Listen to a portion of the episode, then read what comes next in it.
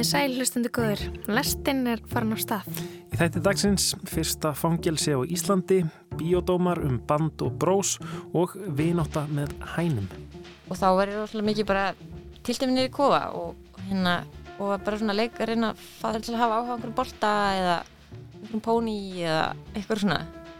Svo var ég að lesa fyrir þær og svo fórum við alls konar ferðalög, fórum við strönd saman. Rosalega mikið að bæði körlum og konum í húsinu voru en einni fyrir lausagöngu, fyrir þjófnaði. Síðan bætast við þessi agabrót að vera einmitt hortugur, vera dónalegur, herma eftir prestum í einu tilfelli. Mér finnst allavega skemmtilegt að hugsa um The Post-Performance Bluesband þannig að það hafi alltaf verið kvikmynd í formi hljómsveitar. Hljómsveitin hafi verið í dulargerfi sem nú er búið að færa hann úr. Ég heiti Lóabjörg Björnstóttir.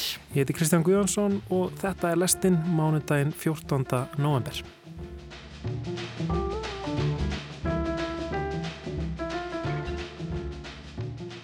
Svankvít Júliusdóttir er einn þeirra listamanna sem munu sína verk á sviðslistaháttíð Reykjavík Dansfestival og Lokal sem hefst á miðugudag og stendur fram á sunnudag.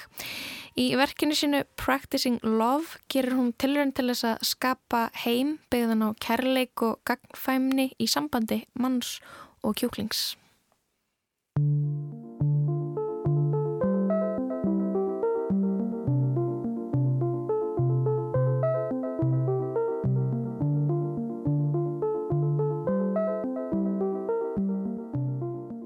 Verkið Practicing Love verður flutt lögadaginn næstkomandi á RDF og Lokal í bakgarði á Njálskotu og hingaði lestina er komin höfundur verksins og einn þryggja flytjanda Svankvít Júlísdóttir, verðstu velkomin. Takk. Hvort myndur þú segja að teitillin Practicing Love þýtti yfka ást eða æfa ást? Hvort er þetta að tala um í þessu verki? Ég held því sem er að tala um yfka en ég held að kannski hafa eitthvað svona referens bara fyrir sjálfa mig. Um, já, en miklu meira yfka Yfka ást Já Segðu mér aðeins frá samstarfsæðilegum þínum í þessu verki. Hver er að gera verkið Practicing Love með þér? Heri, það eru hænunum mína tvær, Pína og Tóni. Það eru náttúrulega bara dásanlegar. Það er, eru sagt, íslenska landnámsænur sem ég fekk fyrir næstu því þremur árum núna. Það er komið tíminn, ég fór og sótti þær uh, 2019 í desember, byggði handaðum Rísakofa, það eru bara tvær. Og bjóðum þær í garðinum hjá mér. Og svo var í rauninni þetta verk er svo að uh, þetta var ansóknarverkefni sem ég gerði sem part af mastersaminu minni í LHI tók ég eins á sviðslista master. Þetta var svona eins og eitthvað svona tilraun til að skapa eitthvað konar vináttu samband við þessar hænur byggt á einhver svona einhver svona jafningagröndulli eða reyna að skapa einhvern jafningagröndull fyrir okkur til að vera einhvers konar gagkvæmi vinasambandi Mm -hmm. Hvernig verður síðan eitthvað samband? Uh, hvernig er það einhvern veginn að, að kynnast hænum eða kjúklingum og, og gera þér part af lífi sinu? Ég veit. Sko ég hefði ekki getað farið eitthvað svona aðeins meira vísindilega stúderaða leið til að reyna að tengjast þeim en ég ákvaði að gera þetta meira bara svona playful. Það er rosalega mismunandi, önnur er miklu svona gævari og miklu meira hægt mér og það var alveg mjög strax augljóst að veist, önnur er var svo sem ég vann síðan miklu meira með. Og hinn var bara flestar hænur ekkert sérstaklega gefna fyrir mannfólk. Þannig að það var alveg það kannski svona setur alveg skemmtilegan svip á verkið hvað er ótrúlega erfitt að vingast við þar Mm -hmm. þannig að þú veist verkið er svolítið svona að reyna eitthvað sem er svolítið augljóslega ómögulegt. Mm þannig að já. Og hvernig er svona, þú veist, venjulegur vinnudagur í vinnuferli með tveimur hænum? Hva, hvað byrjar á að gera? Hvernig stígur inn í listrænt samstarf með þeim? ég var einmitt að renna verkinu eins og í gær sko fyrir áhörundur og leiðbennitur og kannski svolítið fyndi hvað þetta verk er allt annað núna svona löngu setna því ég er henni um, bý ekki lengur þarna og hænunar eru flutta burt þannig að það er kannski maður segja að vinnuferli núna er allt öðruvísi heldur en þegar ég actually bjóðuna og gerði masterverkunum mitt. Þetta var rosa mikið bara ég var að fara svona hugsaði mér upp eitthvað verkefni ég var til dæmis, veist, ég var að reyna að hugsa upp eitthvað leiki, hvernig ég geti leikið á hænuna mína. Og þá var ég rosalega mikið bara tiltum niður í kofa og hérna og bara svona að leika að reyna að fara til að hafa áhuga á einhverjum bolta eða einhverjum póni eða eitthvað svona. Svo er ég að lesa fyrir þær og svo fórum við alls konar ferðalög fórum við strönd saman eitthvað svona, allt eitthvað svona viðlætni til þess að þess að interakta við þær. Einmitt, uh, þú talar hérna um í, í hérna lýsingunarverkinu að, að þú hafið þörf fyrir að eiga einfalt og umhyggjurugt samband við eitthvað í lífiðinu og, og þar koma þessir kjúklingar inn. Þá fer ég svona velta fyrir mér sko eins og, eins og sambönd melli mann, mannfólks, bara ástarsambönd eða vinnasambönd, þú veist, þau geta verið flókin og, og það geta verið svona hindranir en þau svona fara, þau fara í báðar áttir. Uh, þarna það er eitthvað svona samskipti. Uh, að þarna vilja eiga einfalt samband við, við hænu eða kjúkling koma ekki upp einhvern veginn líka vandamál og krefandi aðstæður eins og bara í sambandi við aðrar manneskjur eða það er kannski það sem ég er alltaf fyrir mér. Hvernig, hvernig þetta verður svona fram og tilbaka á millikar þar sem þið svona það er erfitt að skilja dýra af annari tegund. Akkurat. Og það er kannski svona hvað segja, konseptið kemur svolítið í ljós í gegnum það að þú veist, þetta er náttúrulega fjallir kannski um einhvers konar uh, samskipti millir tegunda og ég var mikið að lesa til þess að Donna Haraway og eitthvað svona. Og þannig að þetta er svona kannski eins og þetta þróast í verkinu eða þá svona er svolítið að varpa ljósi á það hvað er erfitt eða er svona mikið valda ójöfvægi og hvernig við getum í rauninni um, að því að þú veist önnur er svo miklu sterkari þá hefur hún einhvern veginn ó um, eitthvað svona þú hefur, þú hefur eitthvað svona vald yfir dýrunum þau, þau búið kofa í algjörlega, þínum. Mhm. sem er auðvitað auðlust og ég minna að það er kannski alltaf að taka það fram að ég ger alveg grein fyrir því og er fullkomlega segum það að vera að exploita þetta dýr einhver leiti bara fyrir mig, fyrir, þessa, veist, fyrir þetta verk. Veist, hún hefur ekkert val og ég bara seg þar.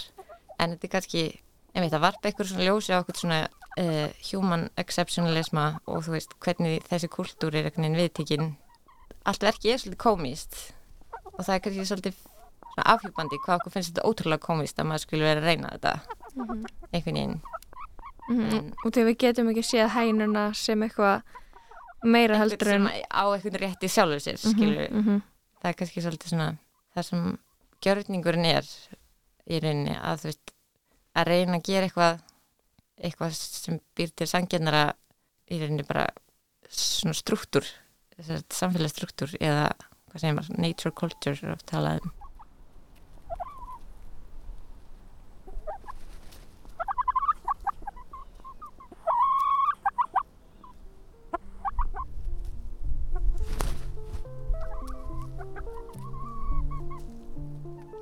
en þurftur þá svona upp á að, að kannski gera jafnuna svona st- stöðu ykkar eitthvað þú veist, valda, valda ójabæði sem er það sem að, einmitt, þú, þetta er svona á þínum forsendum, svona sambandi uh, er ykkur leið til þess að fara að því, fá þær fá þær eitthvað svona leiði til þess að leika í síningunni eins og þær eða hvernig kemur þú svona einhvern veginn í veg fyrir að þær verði eins og leikmunir eða leikmynd það er alltaf útlega erfitt og ég veit ekki alveg hvort ég actually geri það. Partur af til dæmis okkar samskiptum er að veist, ég er svona að reyna að fylgjast með þeirra hegðun og apa eftir þeirra hegðun. Til dæmis eins og það kemur eitthvað mómentana í apríl þegar við erum að vinda að þá allt í einu situr hæna mín og ekki ég fatt ekki alveg hvað hún er að gera hún er bara allt í einu grafkjör og reyfir sér ekki.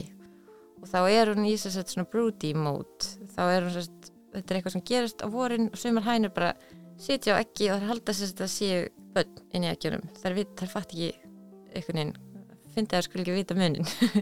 Og þá sitja þær bara oft 8-10 vikur sko. Sérstaklega mín er rosalega slæm með þetta. Hún bara er eins og zombi í bara 2-3 mánuði sko. En til dæmis eins og það þá reynir ég svona ég býti stórt egg og ég sit með henn á egginu skilur þannig að ég er svona að reyna að læra eitthvað af henni og hvernig hún gerir og eitthvað svona. Og síðan er svona eitthvað, verður eitthvað vandamál hann tímabili með eitthvað kött og eitthvað hund og eitthvað svona. Og ég er til dæmis að reyna að fá hann til að æfa sér að fljúa þannig að hún sé örgari og eitthvað svona. Og byrjaður að, að elska hennirnar? Ég held ég hafa reynd að yfka ást. Það er kannski það sem ég er að gera í verkinu er bara að yfka ást. Og í rauninni er er verkið í rauninni allt bara einhver gjörningur í því að yfka ást við aðrar, aðrar tegund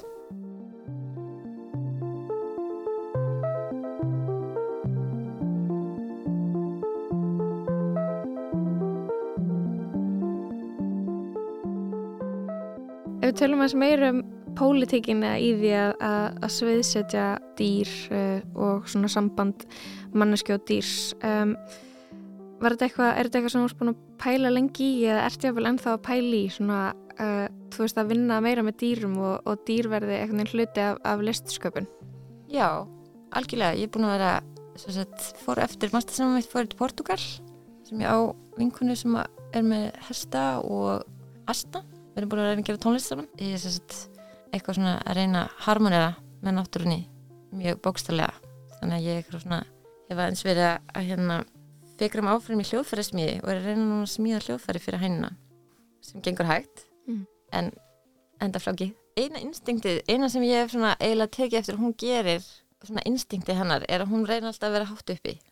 Það er svona það sem ég er að reyna að vinna með. Þannig að ég er eitthvað svona að reyna að búa til eitthvað svona píjánó það sem að um, það er eitthvað svona prigg sem er upp í loftinu og svo þú sérst á það og þá færist það niður og fer síðan alltaf aftur upp þannig að þá er ég svona að reyna að vinna með það instinkt að hún, eitthvað sem hún actually vil gera, hún vil fara upp mm.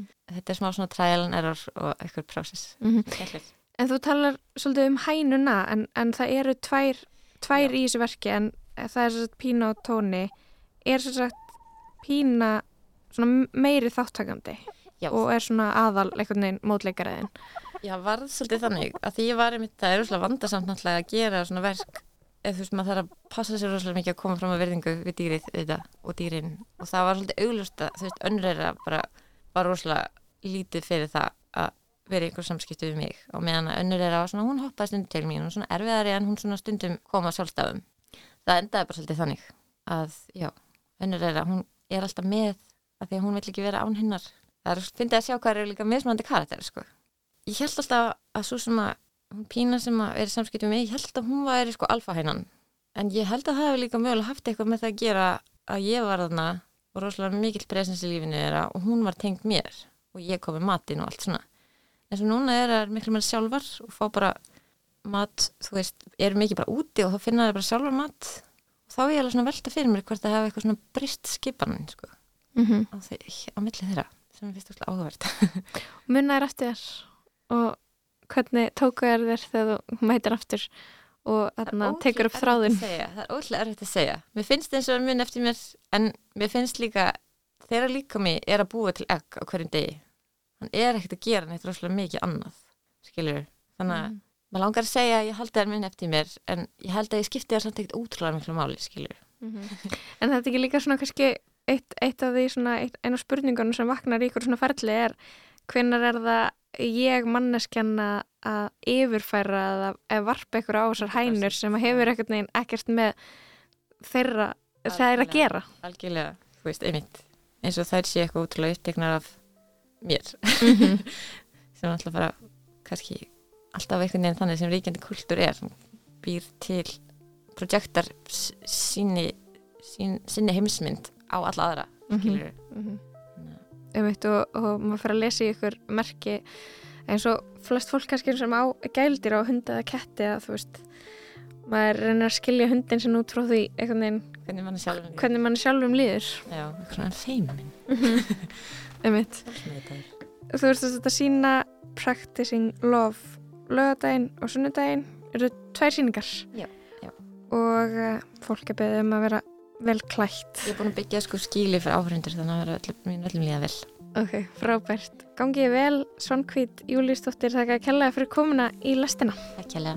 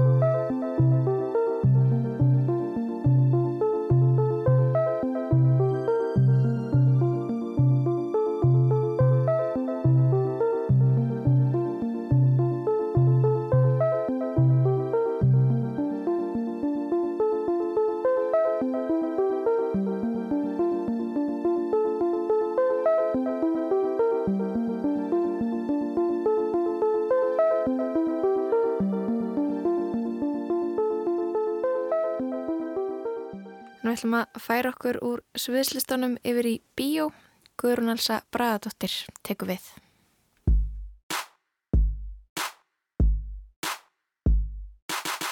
Kvikmyndagreinar standa í missterkum tengslum við veruleikan. Við, kæru hlustendur, erum mjög meðvituð um þessa staðrind þegar við veljum okkur myndir til gláps. Þessi veruleikatenging mótar bæði væntingar okkar og viðtökur. Hjálpar okkur að staðsetja verkin í samhengi við það sem við þekkjum og botna í merkingu þeirra og mikilvægi.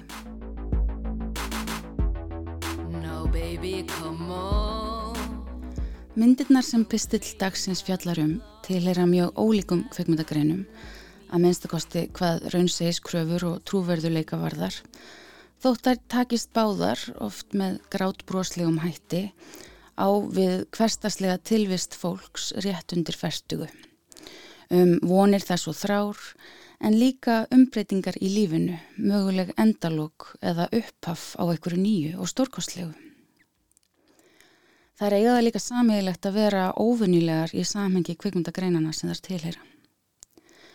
Annars vegar gefur romantíska gamanmyndin Brós eftir Nikola Stoller og Billy Eichner einsýn inn í annan veruleika en hefðir fyrir í svokulluðum rom-coms. Hins vegar er Band, fyrsta verk leikstjórans Alfrúnar Örnólsdóttur, heimildarmynd sem notar stundum tilbúnar aðstæður eða sviðsetningu til að miðla einhverju sem er satt. Við bara bókum tónleika, þetta er það bara loka tónleikar The Post Performance Blues Band eða bara We Made It.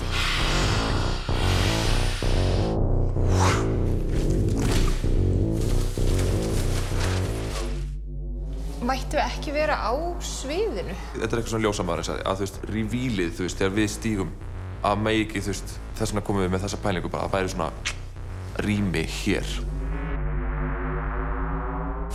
Bara náðu þessu, þið verði ekkert úr sveinar.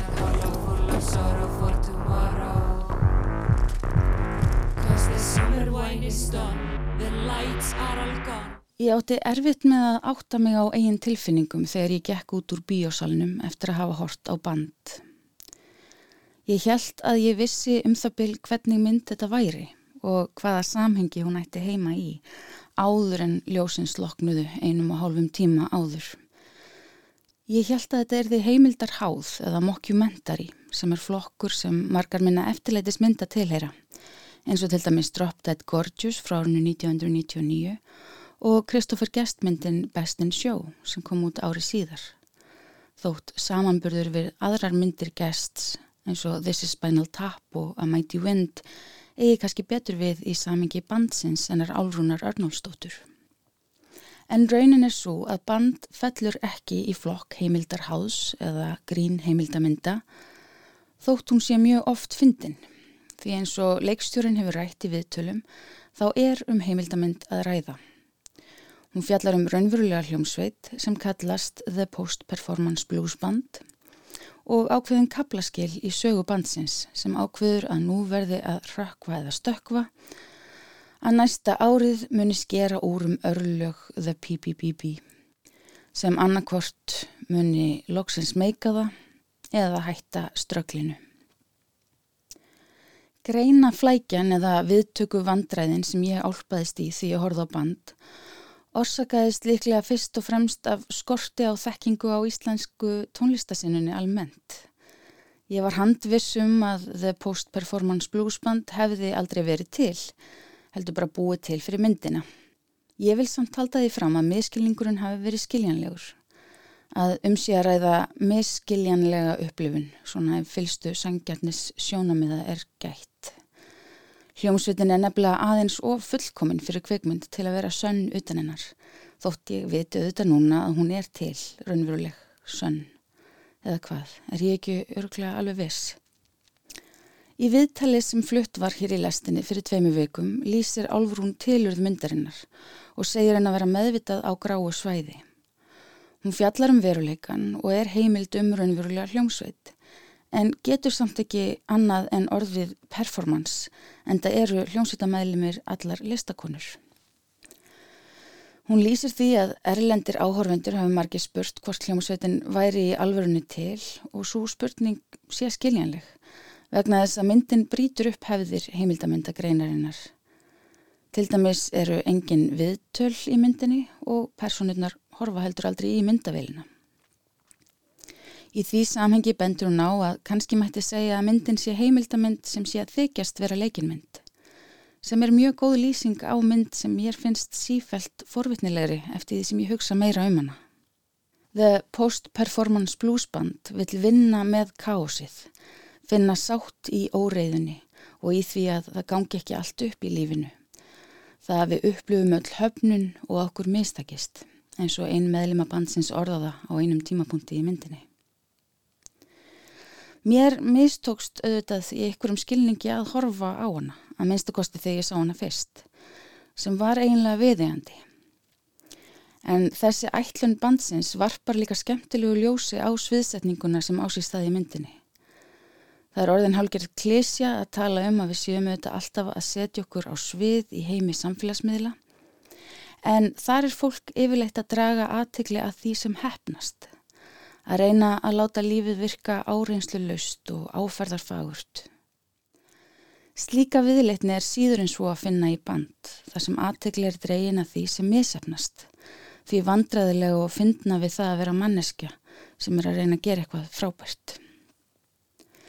Samhengið sem byrtist í myndinni og gerir hljómsveitina í mínum huga stórkostlega er það sem bætist við þegar við kynnumst meðlumum bandsins. Álfrúnu, Sögu Sigurðardóttur, Hrefnulind Lárustóttur og hálfpartin meðlimnum Pétri Eggertsinni vegna þess að auðvitað verður þetta band að hafa eitt meðlim sem er eiginlega ekki með. The PBBB er á mörgum þess að vera hljómsveit og listgjörningur. Rúmast í flokkum tónlistar og sviðslista en passar kannski á kvorjum staðnum að minnst okkost ekki fyllilega. Saga neglir þetta nefnilega þegar hún sagði í áður nefndu viðtali að bandið hafi kannski ekki meikað það sem hljómsveit en hafi kannski fengið að meika það sem kvikmynd í staðin. Mér finnst allavega skemmtilegt að hugsa um The Post-Performance Blues Band þannig að það hafi alltaf verið kvikmynd í formi hljómsveitar. Hljómsveitin hafi verið í dulargerfi sem nú er búið að færa hann úr þótt það sem við blasi ruggli mig samt kannski ennþá svo litið í rýminu en á góðan hátt þó. Hey guys, it's Bobby Lieber coming to you from the future home of the LGBTQ plus museum. Everyone is really excited and totally getting along. This happens to be Bisexual Awareness Week, and no one has acknowledged it. Lesbian History Month was in March. Nobody said a goddamn thing. Of course, lesbians get a month and we get a week. Það er hálf undarlegt að skipta um gýr og fjalla aðeins um brós sem virkar svo ótrúlega hefðbundin í samanbyrði við band, hljómsveiti, formi kveikmyndar sem er í kjarnasínu mjög ólíka öðrum kveikmyndum. Í anda óriðunar vil ég samt reyna að gera einmitt það.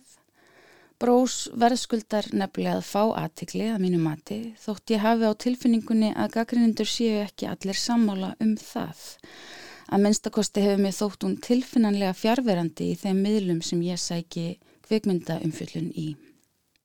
Þetta skýrist mögulega af því að hún er ekki framsækið meistraverk þegar að úrvinnslu viðfangsefnisins kemur, þótt sjálft viðfangsefnið sé rótækt í samhengi meginströms kvikmyndagerðar frá Hollywood. Líkt og áviðum band þá fjallar brósum það hversu flóki það getur verið að leifa sér að vera berskjaldadur þegar maður er komin á þann aldur að maður ætti kannski að vera búin að finna út úr hlutunum, að hafa náð velgengni. Handritsöfundumindarinnar Billy Eichner leikur aðalpersonuna Bobby Lieber sem hefur aldrei orðið ástfangin eða verið í löngu ástarsambandi.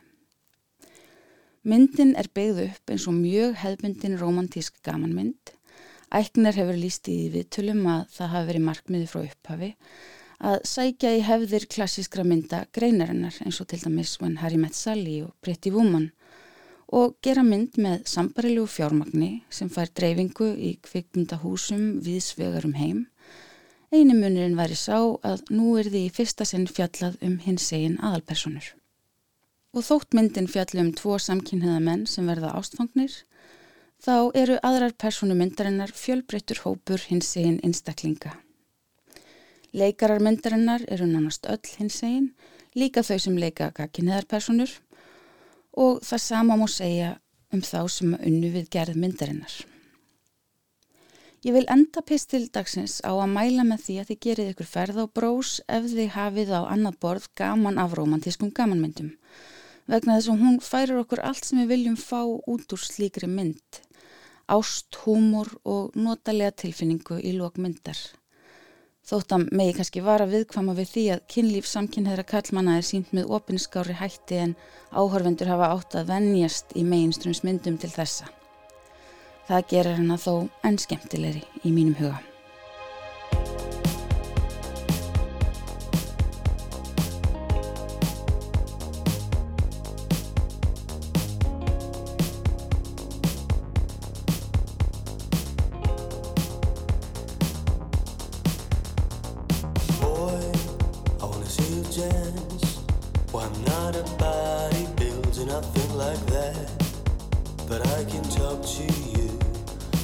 touch your waist to warm you up.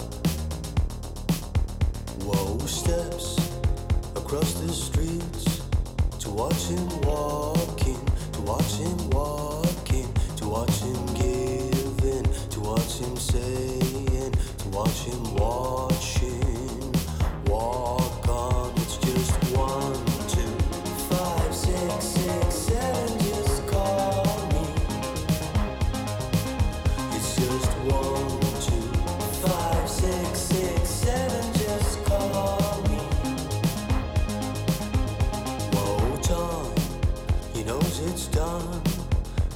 To watch him walk, but I can give it up. So.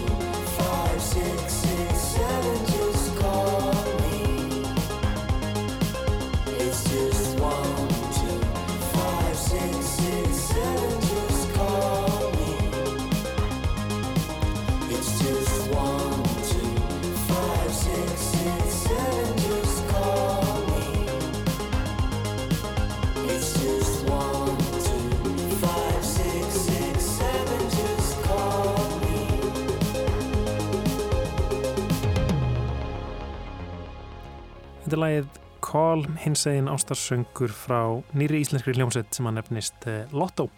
Það var Guðrun Elsa Bragadóttir sem að rýndi í tvær ólíkar kvikmyndir, myndina Band eftir Álrúnu Örnólsdóttur og romantísku gamanmyndina Brós. En þá ætlum við að halda niður í miðbæ og rúmlega 200 ár aftur í tíman.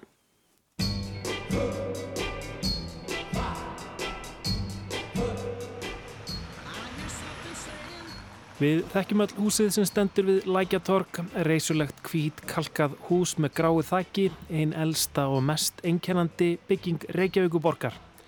Þarfur utan stendur núna leðsögumadur með hóp túrista og útskýrir Þetta er stjórnaráðshúsið, aðsettur æðsta ráðamanns íslensku þjóðarinnar og jú, þetta er einmitt hún sem gengur hann út um aðal dyrnar, segir leðsögumadurinn við mikla káttínu túristana.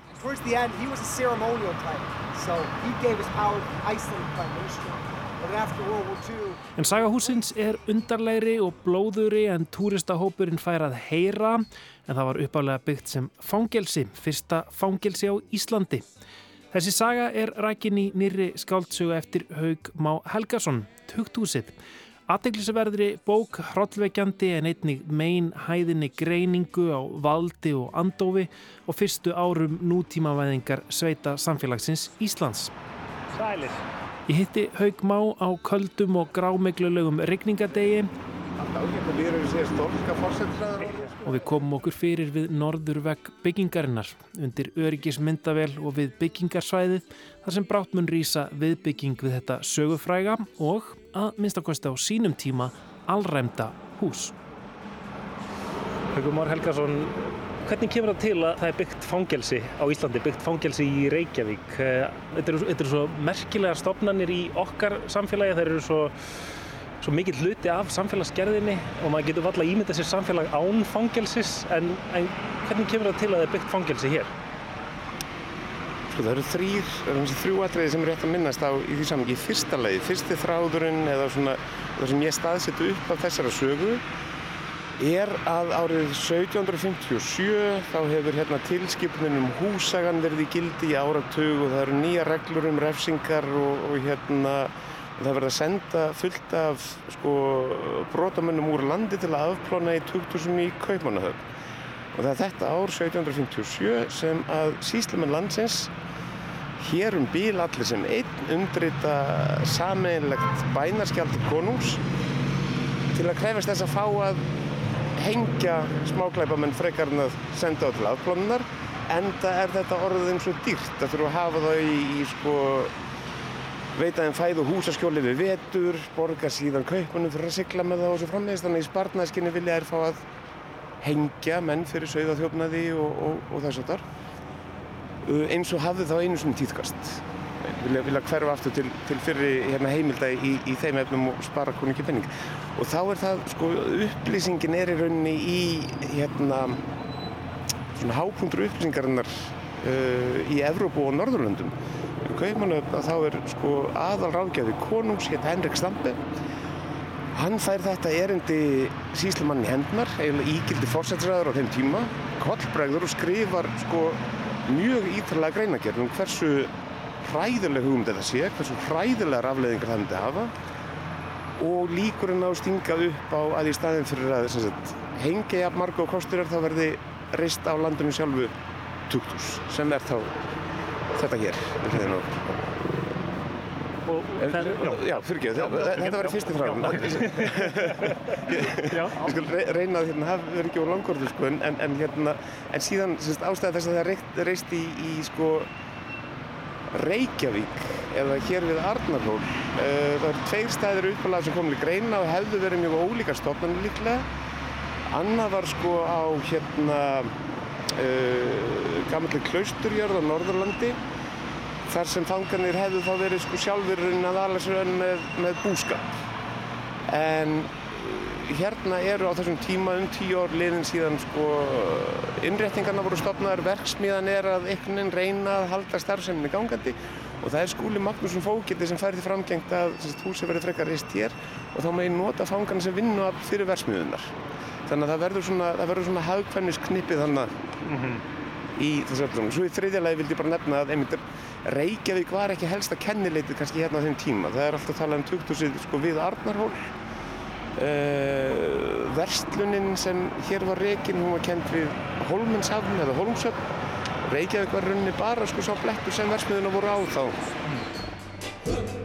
Samsagt, síslumenn vilja hengja fátæklinga sem stela sér til matar, konungur segir nei, byggjum tukthús í staðin og staðsetningin við Arnarhól er valinn til að fangarnir geti nýst sem vinnuafl, þrælar í versmiðu skúla fógeta. Byggingafrankandir hefjast um 1761 og sjö fyrstu fangarnir taka þátt í að reysa fangilsið þar sem þeir eigað dúsa. Hvernig, hvernig stofnun var þetta? Uh, hræðilega stofnun. Ég, ég, ekki, ég veit ekki en það sko er nákvæmlega hvernig ég á Það er svo litið sko, alltaf að hafa orð á því bara, það, það er, þegar maður er búin að setja yfir svona sko gögnum heim langan tíma og, vinna upp fyrir frásökt sem að sko mér í þessu tilfelli finnst skipta einhverju máli að koma til skila, þá finnst mér næstum eins og hvert orð sem ég sko segi í samtali verði svo ódýrt við hliðan á viðfársefninu og ég veit ekki sjálfur á ég að glotta þegar ég segi frá þessu eða á ég að vera sko standa hérna harmþrungin yfir örlögum fólks fyrir 200 árum síðan og meira? Eða ná, nákvæmlega hva, bara hvaða fast til er? Og ég held að, að það sé kannski hluta því sem að sko mér þóttu forvinnilegt við þessa sögu er að við erum ekkert vön að einhverju leiti að takast á við sko sögulegan harm af mannavöldum á þessu landi að það, það eru ákvarðanir fólks sem eru til þess að, að, að hlutskipti margra í þessu húsi varð hræðilegt það eru ekki fyrst og fremst náttúruhamfæri það er ekki, við, voðalega, við kunnum að fástu það sko. mm. en þegar kemur á því að, að, að hérna einmitt, aðgeri fólks ákvarðanir stjórnvalda vondar framkvæmdir hafi uh, hræðilega áhrif á þá, þá sem fyrirverða að þá held ég að við kunnum ekkert ennþá rosalega vel með það að fara. Og við erum auðvitað sko síðustu ára og áratví höfum verið að fást við sko atbyrðu úr, úr nýliðinu sögu. Uh, og erum ennþá að læra það. En þetta er þá, hér, hér gerir sagar sem eru bara mörguleitir hliðstæð við þær sögur sem hafa á sér stað hvar sem fólki er hrúað saman á landinu uh, tilneitt eða, eða einhvern veginn sko settar þær skorður að verða að dvelja undir yfirvaldi í saminningu eða valdinu þar hefur greinilega mjög oft verið misbeitt og kannski má líta á misbeitingunum sem átti staði þessu húsi sem eins konar upphafsveit. Þetta er, þetta er, sko ég þóra ekki að fulla ennþá hvort þetta er beinleins fyrsta nútíma stopnum landsins en þetta er fyrsta stopnum sem er sett á lagginnar með þar til gerði stjórnarnemnd sem kemur saman og heldur stjórnarfundi og, og svona, tukthús er að einhverju leiti upphafsveitur uh, okkar samfélags í dag. Líklega fóru meira en 500 fangar í gegnum tukthúsið á því 50 ára tímabili sem það var starfrækt, allt til 1813 en þetta voru sjálfnast stórgleipamenn, fyrst og fremst fátæklingar sem stálu til að hafa í sig og á. Sko lang flest brotin snúast um þjófnaði, þess að sem að sko uppálátt að hengja fólk fyrir og síðan sko um lausagöngu að vera ekki í fastri vist. Oft fór þetta saman, menn þess að þú varst ekki í fastri vist, þá hafður þú enga leið til að nærast nefn annarkort að sko uh, betla eða stela. Hérna eru enga verslanar á landinu, engi leið að eiga neinn viðskipti með matalít til dæmis. Þannig að, að sko rosalega mikið af bæði kornum og konum í húsinu voru en enni fyrir lausagöngu, fyrir þjófnaði. Síðan bætast við þessi agabrót að vera einmitt hortugur, vera dónalegur, herma eftir prestum í einu tilfelli. Þetta og kynferðismál þessa tíma sem snúast bara fyrst og fremst um barnignir utan hjónabanda. En sagt, já, stórgleipamenn, sko, þeir voru ekki hýstir í húsinu nefnum við stundarsækir það í varðhaldi áður en þau voru annarkort teknar lífi eða sendir áfram í kaupmannarnar til afblununar. Það erum að tala um sko, ofbildisleipi, morð og þess að þar. Þau voru sára fá. Sem fyrst og fremst er þetta bara, maður myndi ekki einu svona segja, segja ógæfu fólk, maður myndi segja sko í dag verður þetta, er þetta bara fólk sem lendir í atvinnuleysi, uh, á ekki í og á, er að krafsa sig fram úr því, einn, að mestu leiti. Hraust fólk dó aðeins örfáum mánuðum eftir að því var stungið inn úr sjúkdómum, úr hungri og ofbeldi. Þegar nöfn og baksögur þessara einstaklinga eru dreyin fram blasa við ummerki hryllilegs stjættbundins blóðbaðs. Svo grípum nokkurn veginn að handahófi niður í skýslu næturvarðarins Páls Holt í skáldsögu Högsmás Helgarssonar til veitnun hefst. Þann sama dag fækkaði föngum húsins úr 32 í 30, tveir dóu. Annar hétt Magnús Þorvaldsson, dæmtur til 6 mánada fyrir leti og óknitti um mitt sömar.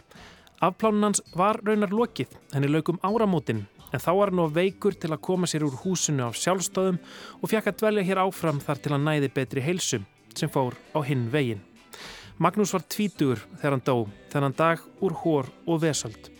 Hinn, það var Hannes Grímsson, sá með skörpu sindrandi augun sangkvæmt eftirlýsingunni með dökkleita andlitið bláa brjóstúkin sá forvitni sem hafði þennan kæk að segja já, ó já maður og flúði vestur á stólnum hesti.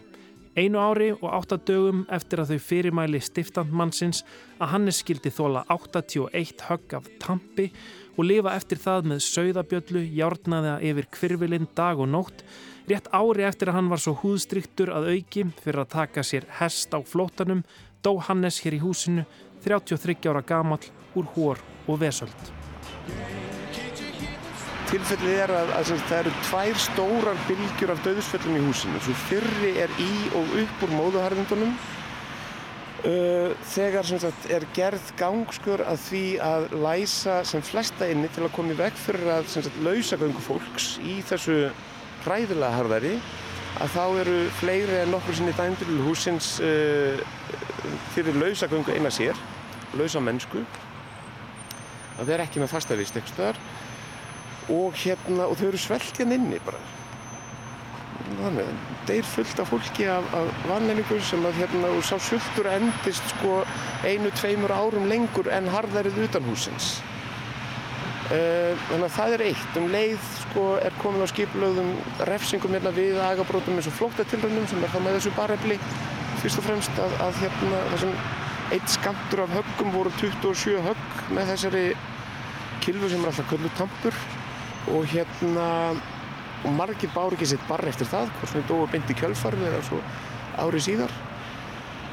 Það var, já, það var með ýmsum ógeðfældum hætti sem líður var mörkáður fólki hérna í húsinu setnibilgjan er síðan sko í Napoleonstríðunum sem hérna verðast yfirleitt að vera kvöldu syklingaleisinsárin að þá er sérst vegna átaka um yfiráð á, á, á hafinu hérna breytar englendingar halda aftur á syklingum dana þá verður hérna skortur á, á vistum hér í landinu og, og, og hérna aftur er brugðist við sko brugðist við sulti og skorti sem agavandamáli og fullt af fólki aftur hendin í húsitt og þau taka aftur að deyja með sama hættu og fyrir. Það er hérna, fyrraskiptið er það reyndar sko svona hérna sínilegri ásenningsverk stjórnvalda.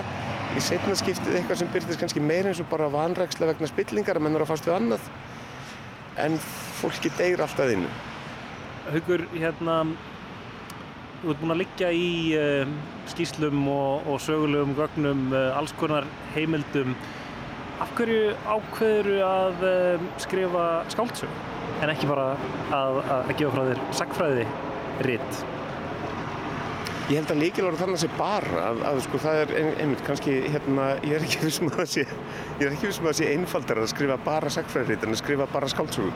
Hérna og, og, og þú veist þetta, þetta eru bara þetta eru bara hérna tvær og, fleiri ólíkar nálganir á viðfórsefni uh, ég er ekki sagfræðingur í fyrsta lagi þannig að sko sá valkostur hefur þá verið að, að, að hérna já, þjálfa upp alveg, alveg nýjar sko, aðferði til viðbúður við þeim sem ég var þegar að, að, að koma mér upp einhvern veginn.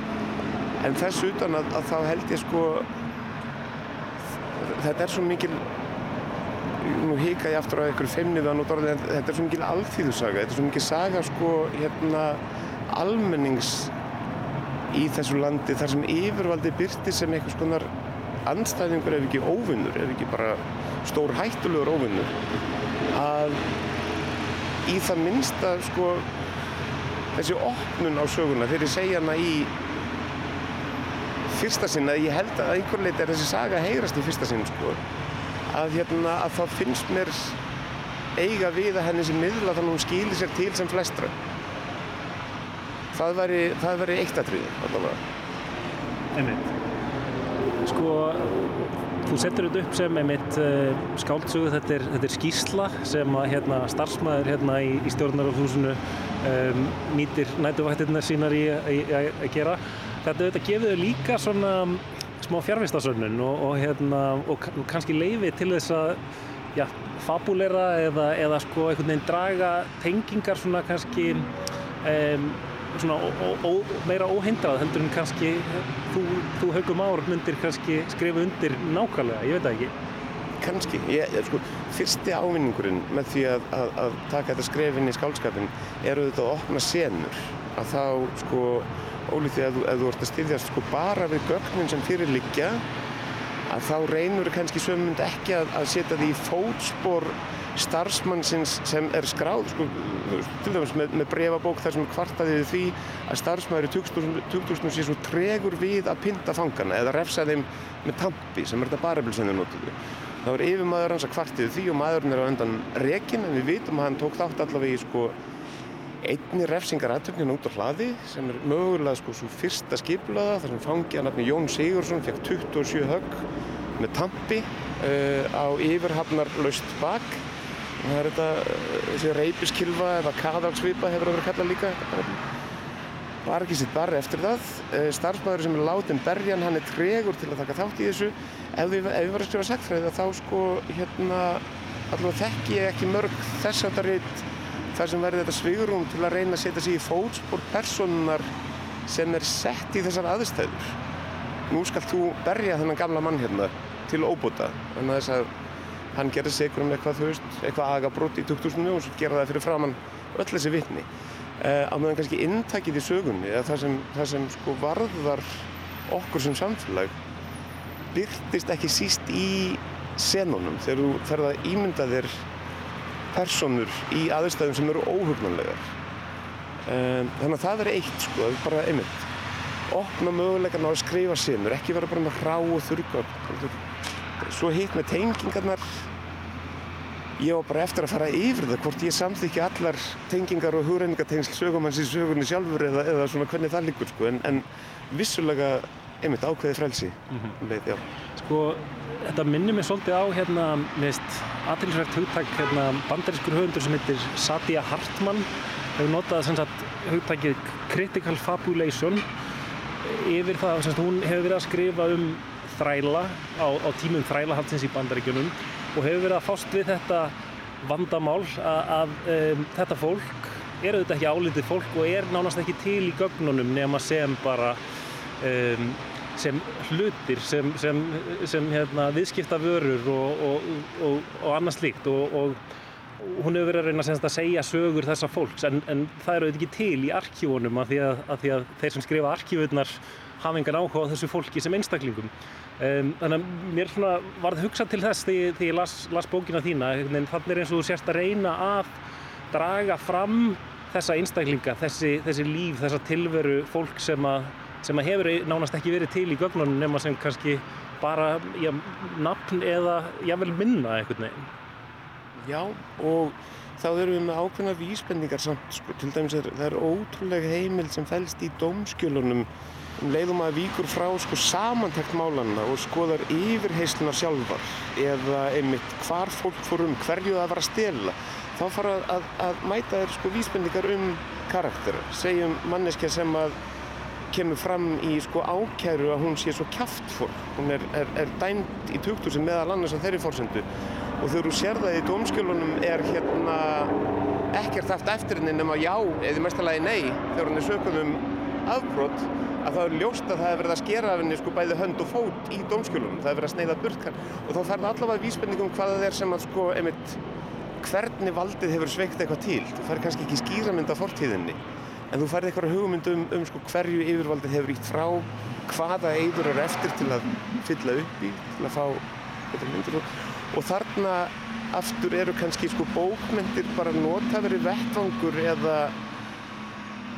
eitthvað einmitt nöðsynlegt uh, frelsi að veita sér í að, að hérna dansa í kringum þessar eigur og finna þreyfa á möguleikum, þreyfa á, á, á hérna einmitt hvaða saga er, getur verið þannig. Hérna, ég er að pæla eitthvað að lappa kannski bara hérna svona allavega, uh, er, er, ertu búin að mæta hérna oft að húsinu svona í, í rannsóknar tilgangi, ertu búin að fara inn? Eða? Ég fekk sko, hérna, nei ég er ekki búin að fara inn í húsinu en ég fekk túr með forðljóðafræðingunum síðasta sumar uh, um sko svæðið þar sem þau hefur verið að grafa. En hefur aldrei farið inn í húsið það? Ég hef aldrei farið inn í húsið, nei. Ekki að breyta því eða? Mér liggur allavega ekkert á að gera það sko. Það var banka sko? Nei, okay. nei. og ég held hérna, ég held líka sko einmitt, bara það að vera, vera svona þétt upp við það eins og við erum núna, það er sko sjálfsagt fyrir svona sko hérna e, þáttagerð, bara, þú veist, gaman og það allt. En ég finn alveg fyrir sko, og ég er mjög fælin á að vera nálagt valdi. Við erum hérna svona 2 metri frá. er Komur bara á á ég steig upp á tröppuna, Já. já, það er bara, já, ég held að, ég held að þetta sé nóg.